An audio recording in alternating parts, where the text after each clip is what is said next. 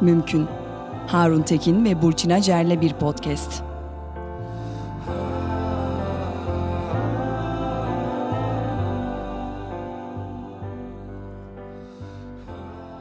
Ben Burçin Acer, Harun Tekin'le beraber Mümkün Podcast'in ikinci bölümüne başlıyoruz. Harun merhaba. Merhaba Burçin. Nasılsın? İyiyim. Sen nasılsın? İyiyim ben de. Aslında mesela bu nasılsın sorarken böyle artık son zamanlarda bir şey bekliyorum. Yani işte şöyleyim böyleyim çünkü insanların biraz ihtiyacı var gibi geliyor. Çok sormuyor insanlar artık nasılsın diye. Sanki ee, iyi, hisset, öyle bir iyi hissetmiyoruz da o yüzden herhalde genel olarak. Galiba biri bizimle ilgilensin istiyordu olabiliriz. Olabiliriz. İyiyiz yani iyiyiz derken şöyle iyiyiz. Geçtiğimiz haftadan bu yana işte odağımızda filmimiz var. Filmle ilgili çalışmalar var. O manada çok iyiyiz çünkü izleyen herkesin güzel şeyler hissettiğini görüyoruz, anlıyoruz. Yazdıklarından, videolarından, hatta işte bazen ulaştırdıkları ne bileyim mesajlardan. Hepsi, hepsi bunların güzel şeyler. Çok şanslı ve iyi hissediyoruz o yüzden. Peki o zaman şöyle yapalım. Bu sıkça sorulan sorularla başlayalım yine. Klasiğimizi bozmayalım. Aslında senin bıraktığın yerden başlayalım. Şimdi hikaye devam ediyor aslında ve Avrupa'ya çıkıyorsunuz. Avrupa'ya şu an bir Avrupa turnesi başlayacak anladım. Benim de e, diğer podcast partnerim Özgür hemen sordu. İsviçre'ye geliyorlar mı? Dedim listeye bakayım. Hatta Harun'a da sorayım. Hem bu soru hem de bir de nerelere gidiyorsunuz da böyle bir Avrupa turnesini bir toparlar mısın bize? Tabii. Şimdi İsviçre şu anda ilk planda yok. Şöyle yok. Bir dün girenler oldu. Yani Azerbaycan, Almanya, Danimarka, Belçika ve Hollanda'da. Bugün de İngiltere ve Avusturya'da vizyona giriyor ve haftaya da hangi gün olduğu belli olmak üzere Fransa'da başlayacak. Bu 8 ülkede e, bunlar bahsettiğimiz şeyler e, düzenli gösterimler ama bir de özel gösterimler var. Mesela Almanya'nın pek çok kentinde işte Münih, Darmstadt, Karlsruhe bir sürü böyle sinemada özel gösterimler var. Bir de yine bir sürü kentte tabii ki işte Berlin, Frankfurt, Hamburg, Köln, Mannheim bir sürü kentte de düzenli gösterimler var. Bunların listesi de e, şeyde var. Yani bizim sosyal medyamızda ulaşılabiliyor. Bizi çok heyecanlandıran bir şey. Çünkü hakikaten biz orada olmadan oradaki dinleyicilerimizle buluşmanın çok enteresan bir yolu bu. Ee, bakalım nasıl olacak? Biz de çok merak ediyoruz. Peki gidecek misiniz? Öyle bir mesela İstanbul ve dışındaki şehirlere bir sürpriz yaptınız. Yurt dışı için var mı böyle bir plan? Ee, yani şu anda yok ama aniden bir sürpriz olur mu? Olabilir. Yani çok büyük bir e, böyle büyük büyük seyahatler yapmak kolay değil. Şu, şu an planlaması kolay değil. Çünkü bu filmin gösterimleri de dahil olmak üzere her şeyi biraz e, zamanlamayı e, çok çevik kullanarak yapılan şeyler oldu. Önümüzdeki haftaları, ayları bırakın bazen önümüzdeki saatleri planlayarak çalışmamız gerekti. O yüzden o kadar e, büyük bir söz veremiyorum bu konuda. Peki e, bu turne programını zaten sosyal medya hesaplarınızda turne sıkça paylaşıyorsunuz. Bu arada yani aslında filmin turnesi bu. Onu da söyleyelim de. Tabii filmin turnesi. Tabii. Filmin turnesini ve durakları, tarihleri hatta bilet alma linklerini sosyal medya hesaplarınızda paylaşıyorsunuz. Sıkça sorulan sorulara e, birinci bölümden sonra şimdi dinleyiciler de katkıda bulunmak istiyorlar. Ben onları da aktarmak istiyorum. Hatta bir tanesi de bir şekilde de evet dedim ve söz verdim. O yüzden onun iki çok tane iyi. sorusunu sana aktaracağım. Derya yazdı Twitter'dan. E, ilk önce aslında çok güzel uzun bir mesaj. Bunu ayrıca seninle paylaşmak e, paylaşmak isterim. Mor ve ötesi vasıtasıyla ben aslında çok güzel insanlarla tanıştım. Bunu anlatıyor ilk önce ve bunlardan bir tanesi de çok sıkı dostu olmuş anladım. İkisinin ayrı ayrı sorusu var ve biz aslında o umutlu olma halini yaşıyoruz diyor. Mesela diyor ben Derya İnönü konserinden hemen sonra uzun zamandır başlamak istediğim davul eğitimine başladım. Arkadaşım Berre de konser çıkışı hani klasik anladığım bir gelecek kaygısına sahip e, bir arkadaşımız ve diyor ki korkmuyordu artık ve geleceğimi artık buna göre şekillendireceğim ki bu çok basit gibi gözükse de endişesiz bir gelecek e, hayal etme ve bunu şekillendirme çabası çok önemli bir şey. E, ya bu o kadar önemli bunu... bir şey ki bu bak şu söylediğin şey gerçekten bir insana olduysa yani o kadar değerli bir şey ki bu. Bir tek bunun için bile bütün yaptıklarımızı yapmaya değerli. Yani Kesinlikle öyle. Çok büyük bir şey yani bir insanı endişesiz yani olduğundan daha endişesiz kılabilmek o kadar güzel bir şey ki ben çok ben çok teşekkür ederim. Hem böyle bir şeyi yapabilmek için sizin yapmanız diye bir şey yok zaten. Birisinin böyle bir etkiye açık olması lazım. Demek ki o arkadaşımız öyle bir etkiye açık ki bu çok güzel bir şey. Bu benim son günlerde, son haftalarda duyduğum en güzel şey. Abartmıyorum ve haberim yoktu gerçekten bunu duyacağımdan. Çok teşekkür ederim. Ben teşekkür ederim yani. Ee, o zaman hemen sorularını da ekleyeyim. Ee, Berre diyor ki şöyle bir soru sormuş. Ee, bundan sonraki büyük plan ne? Tamam mesela diyor Taksim Meydanı'nda kocaman bir sahne mi? Ya da bu hiç fena fikir değil. Evet. İstiklal boyu uzanan bir kalabalığa konser vermek çılgınca olmaz mı? Onun sorusu bu. Çok güzel. Ee, bunlarla ilgili net bir şey söyleyemiyorum şu anda. Biz hem hayal kurmayı çok seven hem de ayakları çok yere basan bir grubuz. Ben buna şöyle diyebilirim. Önümüzdeki 4-5 ay e, sonucunda biz e, nasıl bir ülkede yaşıyorsak ayaklarını ona basan, o ülkeye basan en güzel hayalleri kurmaya çalışacağız. Derya'nın sorusuna geçiyorum. İki kişilerdi dediğim gibi. O da diyor ki e, Harun abinin yazdıklarını büyük bir keyifle okuyorum. Yazdığı en ufak bir açıklama bile çok başarılı. Acaba bir kitap yazma projesi var mı? Ben bununla ilgili aslında farklı bir soru da sormuştum. Belki ikisini birleştirebilirim. Hani sizin sözlerinizin bir edebi değeri olduğunu da düşünüyorum tüm külliyata baktığımızda. Ee, belki buradan yola çıkarak bir şeyler yazılabilir mi, böyle planlar var mı diye sormuşluğum vardır. Bunu da ekleyerek İlk önce tabii Harun bir kitap yazma projem var mı? O basitle başlayalım. Vardı aslında sonra Instagram'ı keşfettim ben ve Instagram Instagram makaleleri dediğimiz yepyeni bir edebiyat türünde eserler veriyorum. Son harf sınırına kadar kullandığım yazılarım e, dinleyicilerle bir sevgi nefret ilişkisi kuruyor bu yazılar. Yani yeter abi artık falan şeklinde mesajlar oluyor. Kimileri de uzun yazsan da seni seviyoruz şeklinde böyle e, telafi ikramiyeleri veriyorlar. Ben e, ifade etmeyi çok seviyorum yani böyle bir şeyleri. Ama ifade ettiğinde ne oluyor konusunu da çok değerli buluyorum. Yani sadece konuşmuş olmak için veya sadece yazmış olmak için bir şeyler hepimiz gibi ben de çok yaptım. Ama şu an geldiğim yerde tam olarak ne yapmak istiyorum yazarak ve konuşarak bunu arıyorum aslında. Tam olarak bunu aradığım bir yerdeyim. Yani bir sürü şey var aklımda ve hepsi de olabilir, hiçbiri de olmayabilir. Mesela podcast alanı benim için çok o da heyecan verici bir şey oldu. Şu anda konuşuyoruz seninle ve bu ne bileyim 2-3 yıl önce bile bu derece gündemimizde değildi. Bu paylaşımlar vakitle, zamanla beraber şey değiştiriyor ne bileyim ben insan hayatındaki yeri artıyor. Kitabın da insan hayatındaki yeri azalıyor galiba. Yani onu görmeye çalışıyorum. Bir kitap yazmak dediğimiz şey biraz acaba ne bileyim en çok satan kitaplar hala çok okunuyor da az satanlar hiç okunmuyor mu? Hem de buna paralel bir sürü güzel kitap hiç görülmüyor mu? O zaman ne bileyim mesele eğer bir, bir his aktarmaksa, bilgi aktarmaksa o mu hala? Bence öyle de. Yani çok karışık bir, bir alan. Hatta öyle ki şu anda düşünmeye çalışırken bile programın temposunu düşürdüm. Instagram'da da bunu yapmaya çalışıyorum. Aslında Instagram'da da temel olarak o mecrayı böyle birazcık şey yapmaya, zehirleyerek yavaşlatmaya çalışıyorum. Yavaş bir şey olması hoşuma gidiyor ama kitabın. Yani kitap e, ne yaparsanız yapın böyle diagonal de okusanız, amuda kalkarak da okusanız yavaş bir şey. E, ve o yavaşlığı tercih ediyorum ben. Dolayısıyla var. Yazı yazmak her zaman olacak. Kitap büyüyünce umarım olur. Ama yani çok büyük ihtimalle bu, çok büyük ihtimalle kurgu bir şeyden ziyade non-fiction dediğimiz yani ne bileyim ben işte araştırma, inceleme, deneme, hissiyat, sayıklama şeklinde bir şey olması daha muhtemel.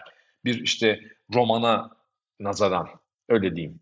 Peki e, biraz önce söylediğin aslında sözden e, bağlamak isterim. Şimdi bu hani kitaplar içinde, albümler içinde galiba böyle bir durum söz konusu. Yani çıktıkları zaman o zaman oluşturdukları değer ya da etki dışında aslında geniş bir zamana yayılan bir etki ve değerden bahsediyoruz.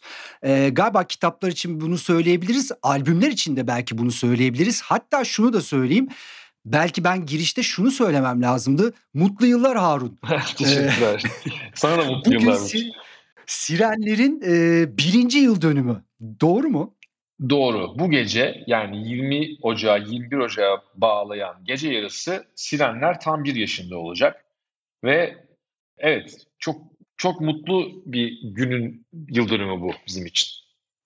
E, biraz önce söylediğim gibi aslında belki Siren, şimdi Sirenler için şunu düşünüyorum. Sirenler çıktığında seninle grupla konuştuğumuzda konuştuğumuz konuları belki iki sene sonra konuştuğumuzda o cevaplar daha da boyutlanabilir. Yani bir albümün zamana yayılması, anlamının farklılaşması belki bu en çok sirenlerde olacak bilmiyorum. Onları ama konuşmak isterim. Dolayısıyla bu bir yılın geçmesi bende birçok soruyu uyandırıyor ama şunu sormak isterim. Şimdi bir albümün bir yılı tamamlaması ya da bir Mor ve Ötesi albümünün bir yılı tamamlaması ne ifade etmeli bize? Yani onun olgunlaştığını mı işte amacına ulaşmak için aslında yeterli bir zaman geçtiğini mi yoksa en aktif döneminin daha yeni başladığını mı? Yani bu bir yılı biz nasıl okumalıyız bir albüm için?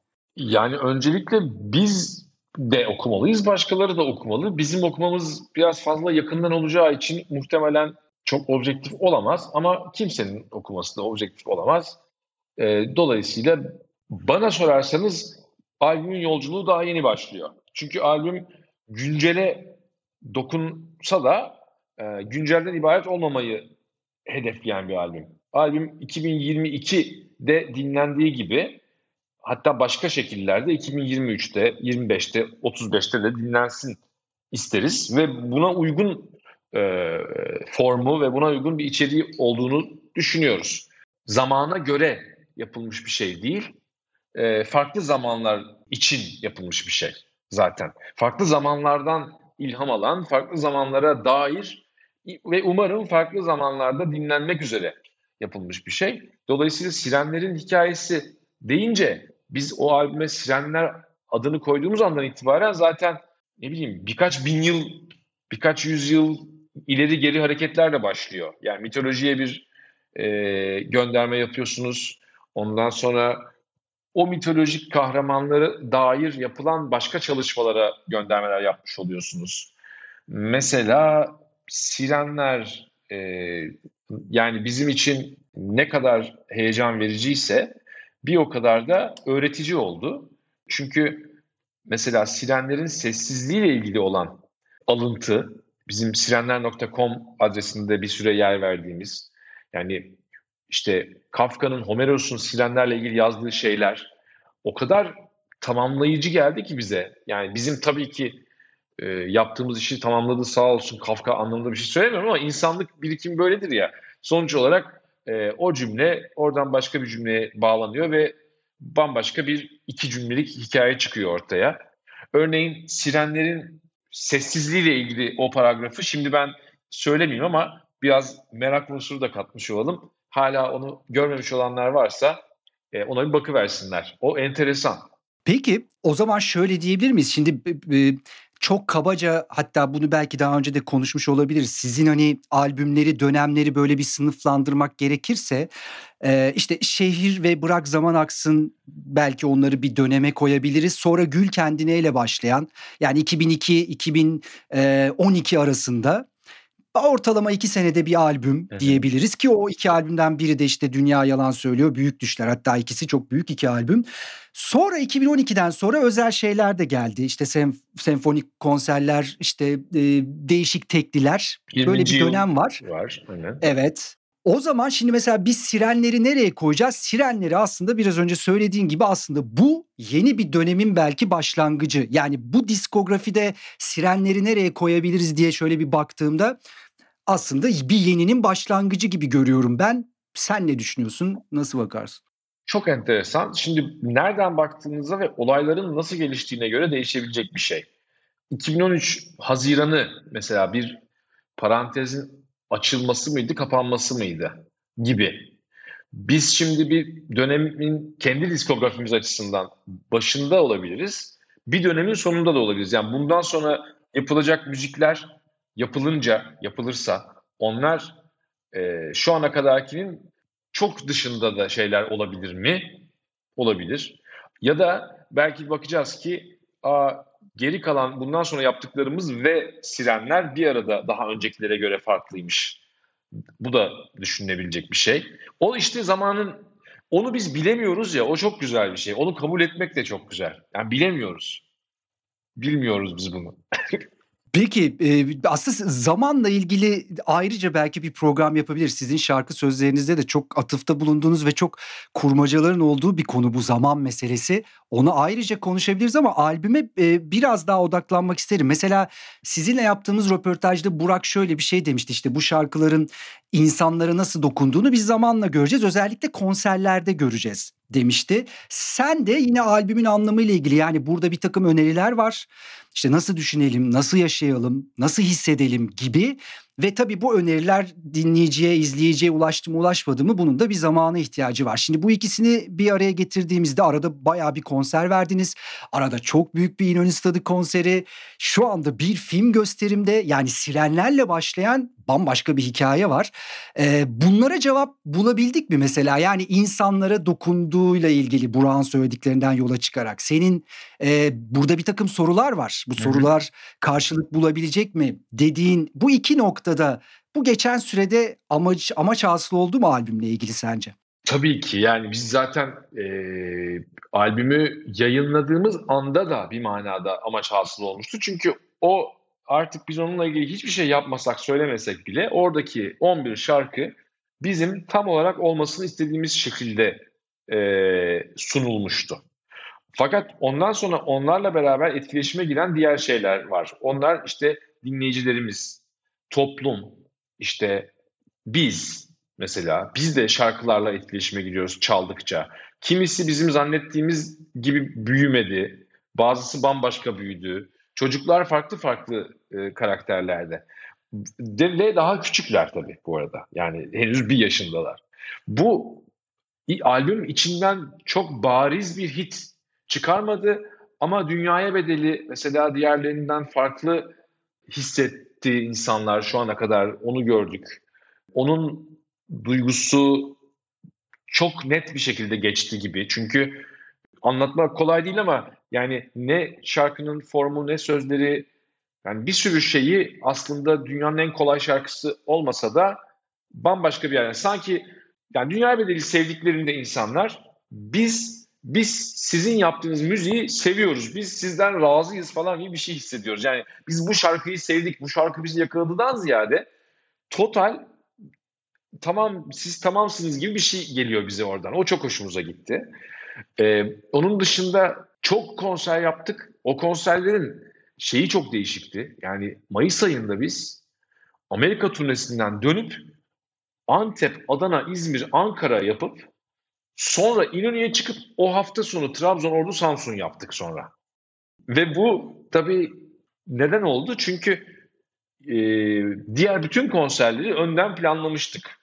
Ama İnönü'yü planlamak o kadar önden mümkün değil. Yani Mart ayının sonunda biz hala o konserin olup olmayacağını bilmediğimiz için aslında albüm çıktı. Albüm turnesinde bir noktada biz onun yapılabildiğini öğrendik ve o sayede de e, bu inanılmaz takvime kavuşmuş olduk.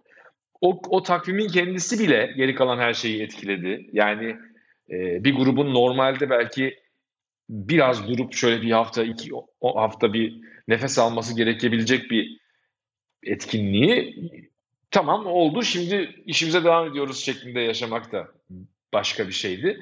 Ama işte sirenler yani siz e, düşündüklerinize dikkat edin şeklinde bu çok zamanlılık e, daha görünür olmaya başladı. Yani ben o albümü yazarken bu çok zamanlılığı kurarken bu kadar bizim hayat pratiğimizde bunu fark edeceğimi düşünmezdim. Yani daha teorik bir yerden bakarak zaten pandeminin içindesin, evdesin mümkün mertebe ve hani düşünecek çok şeyin var ama yaşayacak o kadar çok şeyin var mı emin değilim yani. En eğlenceli şeyin evde bafra pilisi yapmayı denemek olduğu bazı günlerden bahsediyoruz yani. O sırada biz zaman çok zamanlıktan falan bahsederken yani evet tamam teoride böyle bir şeyler var ve falan ama tam olarak kendi hayatımızda bunu e, bulduk. Bir manada kendi kendimizi de daha iyi anlamamıza vesile oldu. Kendi yazdığımız sözler. Kendi hayatımıza baktığımız zaman e, bir yıl içerisinde değil bırakın bir yılı o Mayıs ayı içerisinde yaşanan şeylerin hepsinin Mayıs ayı içinde yaşanması aslında mümkün değil. Ama oldu. Ve e, ben de aslında buna yine orada söylemiştim ama burada da söyleyeyim okumayanlar için. Sizin o çok zamanlılıkla e, aslında ortaya koyduğunuz fikirler bizim için ve dinleyici için tam da zamanında geldi. Çünkü aslında siz albümü kaydetmeye başladığınızda işte o bir önceki 10 sene yani o 10 senede sizin bizim toplumun yaşadıkları, üzerimizde bıraktıkları izler. Ee, bizde zaten o izler çok canlıyken siz bir albüm kaydına girdiniz. Mutlaka o fikirler ve hisler de bu albümün içerisinde kendine yer buldular. Ve ondan sonra biz de ya bu kadar sıkışmışız, bu kadar artık konuşacak bir kelimemiz var mı ya da bizim için kim konuşacak derken böyle bir albüm geldi. Ben ilk o e, Forsa'yı yolladığındaki şeyi unutmuyorum. Gece dinliyorum ve bir, bir tara ilk önce müziği dinledim. Çok güzel, çok hoşuma gitti, güzel bir şey. Sonra sözleri birkaç kere daha dinledim. Hatta sana yazmıştım kim yazdı bunu diye. Sen de mor ve ötesi diye cevap verdin. ya tabii ki öyle bunu biliyorum o özelliğiniz ama hani gerçekten kim onu o ya çünkü bir atıflar var orada bir şeyler var acaba onlar benim içimde hissettiğim şeyler mi çok merak etmiştim ve gerçekten o daha sonra böyle dalga dalga yayılan bir tam zamanında geldi bu albüm ve bize de bir umut verdi birçoğumuz için de ses oldu duygusunu ben de ve bence birçok dinleyicide de e, yerleştirdi diye düşünüyorum. Hele de şimdi bir sene geçtikten sonra belki o zaman heyecanla söylemişim gibi hissettiğim şeyler şimdi daha bende e, yerli yerine oturdu. Siz bilmiyorum dinleyicide böyle bir karşılık bul ya konserlerde sizi tabii eşlik ediyorlar ama çok kişiyle konuşuyorsunuz, iletişiminiz var. Ben seni dinlerken e, çok enteresan bir yere gittim. E, Gül kendine zamanında gittim. Gülken'le de biz Burak'la yaptığımız bir konuşmayı hatırlıyorum. Tam anını hatırlıyorum hatta. Çünkü Gülken'le bizim aslında bir manada en ya öyle diyeceğim şimdi spiritüel okumalarla dolu olabilecek bir albüm. Yani en azından böyle politikten ziyade psikolojik ağırlığı yüksek. Yani gül kendine daha mutlu olamam. İşte hayat ne bileyim gece şarkısının nakaratı işte hiçbir şey eskisi gibi değil falan. Yani psikoloji de psikoloji yani orası ve onun da bir yandan hani böyle ruhani tarafa böyle gidip gelen bir şey var. Fakat biz şeyi hatırlıyorum yani albümü hazırlarken ki çok huzurlu bir halimiz vardı. Yani huzurluyduk yani Kadıköy'de Yel Değirmeni'nde bir çok kötü durumda bir evin ikinci katında böyle hiç iyi olmayan hayat şartlarında yani çalışıp okuyup edip çalıp ve böyle çok huzurluyduk yani. İki, bu bahsettiğim şeyde 2000 yılının işte sonbaharı falan. Ve Burak'la şey konuştuğumuzu hatırlıyorum. Yani ya ne kadar iyi eğer ileride kötü hissedersek kendimizi hatırlatalım şu zamanı. Bu şarkıları yazanlar biziz diye. Sonra biz o albümü kaydetmeye başladık ve yani bu için o kadar tuhaf zamanlar olmaya başladı ki 2001'de biz bir ay diye girdik. Albüm yedi buçuk ay sürdü. Bizim yani artık verimsizlikten ve mutsuzluktan çatlamaya yaklaştığımız bir süreç oldu. 2001 yılı. Ve o sırada Burak da yine birbirimize bakıp biz bunu bunları hani kendimize mi söyle kendimize de mi söylüyoruz acaba diye. Ve düşünsene yani daha önce de bunu sezmiştik. Yani bu kadar işler yolunda gidiyor şu anda ama daha sonra kendine kendime not. Gül kendine falan gibi. Bu albümde de öyle bir şey var. Yani bu albümde de e, böyle o şarkıları yazdığımız zamanı, o şarkıların insanlarla buluşacağı anda ne hissedeceğimizi hayal ettiğimiz zamanı falan hatırlıyorum. Yani hepsi bizim tahmin ettiğimizden daha değişik oldu tabii ki ve çok güçlü güçlü şeyler yaşadık.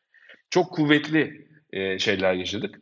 Ve çok e, şanslıyız yani. Hem çünkü bu kadar bizi dikkatle dinleyen insanlar olduğu için, iyisiyle kötüsüyle dikkate değer buldukları için hem de bu devirde aklımızdan geçeni, kalbimizden geçeni bu kadar ferah e, ve net bir şekilde yansıtabildiğimiz için bir de işte yani e, senin gibi insanlar özel olarak bu vakanüvis e, edasıyla böyle şeye dikkat ettiği için. Dikkat edildiği zaman ortaya çıkıyor bazı şeyler çünkü. O zaman şöyle diyeyim tamam buradan alıyorum. Gül kendine Yanlış hatırlamıyorum. Burak'ın e, Hidden Track'i orada vardı değil iyi, mi? Son Evet, iyi.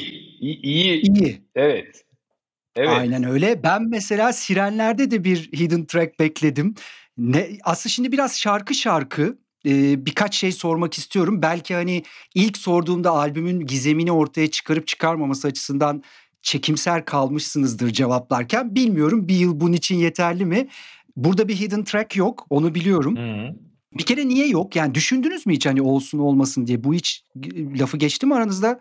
Ya Hidden Track şeyde e, özellikle CD formunda çok iyi işleyen bir şey. Yani o, o son şarkı bitiyor. Ondan sonra bir boşluk var. Ondan sonra bir şey başlıyor. Sen de CD unutmuşsan orada ve mesela işte bir anda bir şey çalmaya başlıyor falan ve o bir sürpriz orada yazmıyor ne oldu. O diğer formatlarda yani kasette biraz işleyebilir falan ama hani plakta ne bileyim dijitalde falan çok işleyen bir şey kolay olmaz. Hatta insanlar haklı olarak şeye kızıyorlar. Uyan Spotify'da niye 27 dakika şeklinde bizim çok popüler bir sorumuz vardır. Çünkü hidden track var diye yani. O yüzden yok. Ee, şeyden çok korkuyorum. Albümdeki şarkılarla ilgili sorularından çok e, çekiniyorum ama çok da merak ediyorum bir yandan. Ben biliyorum ki sen e, istemediğin e, kısımda hemen çok hemen iyi bir hemen tarifi verebilirim evet. Hemen hemen hemen. Evet. Ya aslında şey hidden track yok ama arada yine şeyler var. Ee, şarkı isimlerini umarım yanlış söylemem. Parkta var bir bir mırıldanma Hı-hı. seansı, sekansı. Hı-hı. Orada ne diyorsunuz diye soracağım ama yani bu soruya cevap vermemen çok anlaşılır bir şey ama çok denedim kendimi. Yani duymak için değil mi? Evet bir takım programlara attım falan filan çok başarılı olduğum söylenemez ama merak etmiyor değilim. Ya o çok belirgin bir metin yok orada söyleyebileceğim ama yani şarkı sözleriyle ilişkili şeyler var. E, bir de tam olarak işte yani bu çok e, tam olarak ortaya çıkarılamasın netliğinde yani o onu böyle 2 de 3 desibel daha çok duyacak olsanız e, muhtemelen anlayacaktınız ama işte kısmet diyoruz. Tamam belki bir yolunu bulurum yok, ilerleyen yok. Bir yandan da yani bir yandan da bazen şey bir tane öyle bir mix gelmişti çok hatırlıyorum. Çok öndeydi ve böyle çok korkmuştuk. Yani biraz spooky olmaya başlıyor. O, o fısıldama gibi şeyi böyle öne aldığın zaman şu andaki kadar bir atmosfer katan bir şeyden ziyade e, daha ürkütücü bir hal alıyor. Peki o zaman birkaç ayrıntı mesela sevdiğim şeyler böyle ayrıntılarda ağrılardaydı galiba. Sonundaki bir şey var, bir nefes. Evet. O böyle bana hep şey gelir. Yani yorgun ama yorgunluğu böyle fiziksel bir yorgunluk değil de hani genel meselelerden falan anlattıklarından sonraki ee, nefes gibi. Çok güzel. Aslında şöyle bu, o nefesi orada bıraktığın zaman tabii çok güzel okumalara sebep olabiliyor. Benim içinse sanırım gerçekten olan şeyi söyleyeyim. Ben çok zorlukla piyano çalıyorum. Yani yani gitar benim ilk e, enstrümanım malum. Piyano çalmayı böyle hiç değilse kafama gözüme bulaştırmadan bitirdiğimde bir teki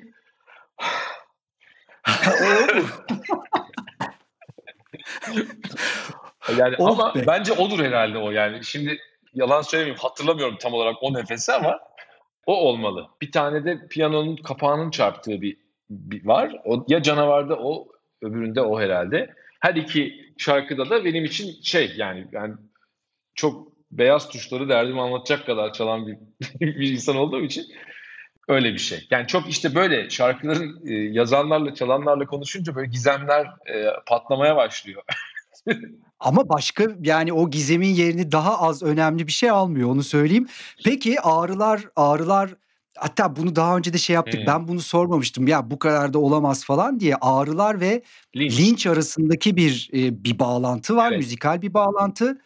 O bizim işte ee, değil mi? Evet, e, Göcek'te Burak'la beraber yazdığımız şey hem e, piyano akorları üstüne çok sesli olmasını da hemen o sırada karar verdiğimiz vokal melodisi. O iki farklı tonda iki şarkıda yer alıyor ve bir birbirlerini aslında selamlıyorlar. Yani bağlayan şeylerden bir tanesi. Canavar ve Ağrılar bağ şarkılar ve Ağrılardaki o arkadaşlar da o e, çok e, bir sürü orada vokal duyuyorsunuz. Onlar Lynch'in nakaratında da varlar. Ama biraz farklı bir hızda ve farklı notadan. Güzel. Bu bir yıl geçtikten sonra böyle albümü biraz derinlemesine incelemek güzel. O zaman şöyle yapın. Bu şimdi albüm hakkında çok konuşuruz da. Ben albümdeki favorimi paylaşayım. Tünel benim favorim. Ya birçok favorim var ara ara çok sevdiğim ama Tünel'i böyle biraz da şey için seviyorum galiba. Sizin o kökleriniz yani ilk çıktığınız dönem dinlediğiniz müzikler, eee, belki hayalleriniz, yapmak istedikleriniz aradan geçen yaklaşık 30 sene işte üzerine bir bilgelik, bir deneyim, bir böyle eee, rahatlık.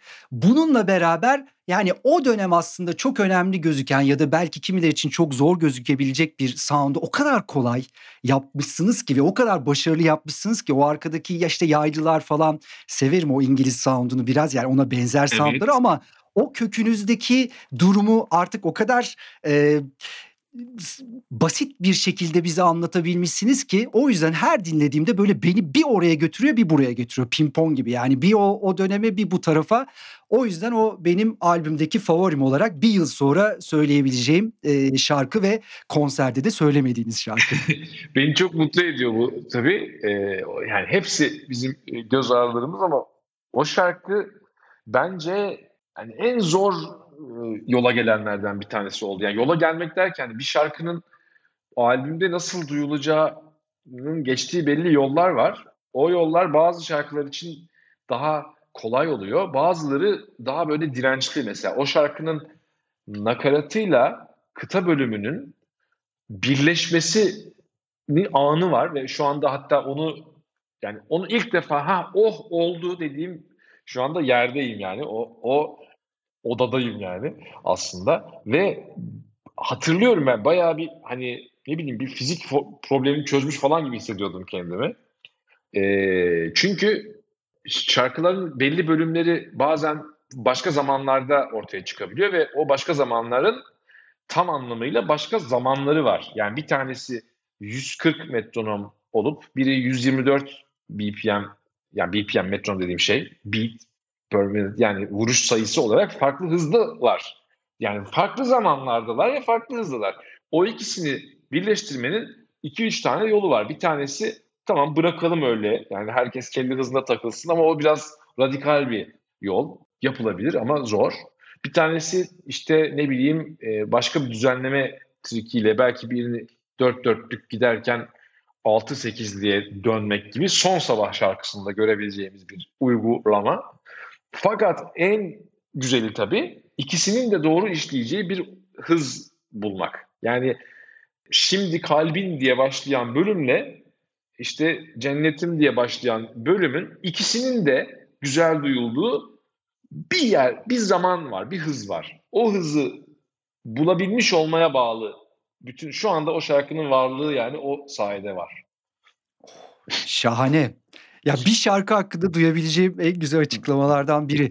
Sirenler hakkında çok konuşuruz ve galiba bazı yıl dönümlerinde belki bu podcast'te bittikten sonra işte Siren'in 5. yıl dönümünde de e, belki bir kısa bir e, kayıt yapabiliriz. Çünkü Siren biraz öyle bir albüm gibi geliyor bana. Sirenler böyle bir imkan veriyor bize.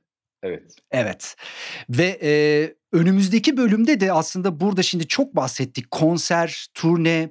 Ya siz bu anlamda çok fazla kilometreye sahipsiniz. Yani çok fazla konser veren ve burada standartı çok üst seviyede tutan gruplardan birisiniz ama bu konserlerin bu fazla konserlerin sizin ruh sağlığınız üzerinde e, fiziksel e, durumunuz üzerindeki etkilerini çok merak ediyorum. Bu konuyla ilgili e, bir sonraki podcast'te soracak sorularım var ama bu podcast'i dinleyip bize herhangi bir yerde ulaşan dinleyicilerimiz de hem sıkça sorulan sorulara hem de belki gelecek e, bölümde konuşma ihtimalimiz olan e, bu konuya dair sorularını bizlere iletebilirler. Değil mi? Tabii ki iletebilirler ama biz ne kadarını cevaplarız onu bilemiyoruz. Öncelikle onu söyleyeyim. Tabii. şeyi hatırladım. Geçen gün senle bir konuşmamızda o bavul röportajında iki şarkıyı birbirine bağlayan bir şey olmuştu. Hatırlıyor musun onu? Boş yere kırı, Ta- boş yere yorulmadı kalbimi kalbimle mi? tamiri mümkün kalbini. Tahmini mümkün.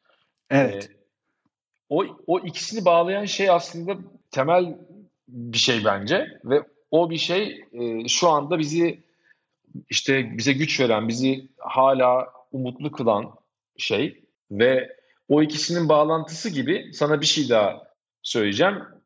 Şimdi hatırladım bunu da. Tamiri Mümkün Kalbinin ya şarkının adı. Evet. Fakat filmin adı Tamiri Mümkün ya. Evet. Tünel isimli şarkının albüm çıkmadan 10 gün önceye kadarki kod adı neydi biliyor musun? Nedir? Kalbin. Ve e, ben e, bence bu şu anda bu fark ettiğimiz şeyle bir yere varmış olabiliriz. ya da en iyi yerde kapatma imkanı verdi bize. Evet. Notumu alıyorum.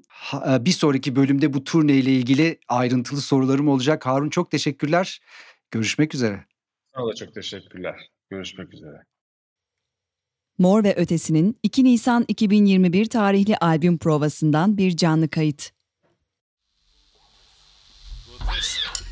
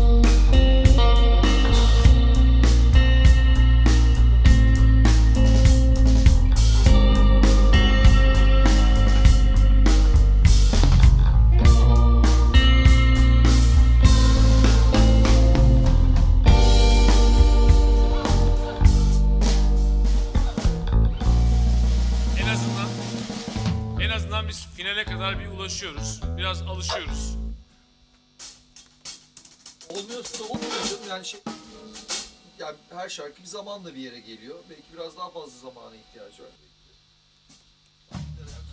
Belki de olmuştur da haberimiz yoktur.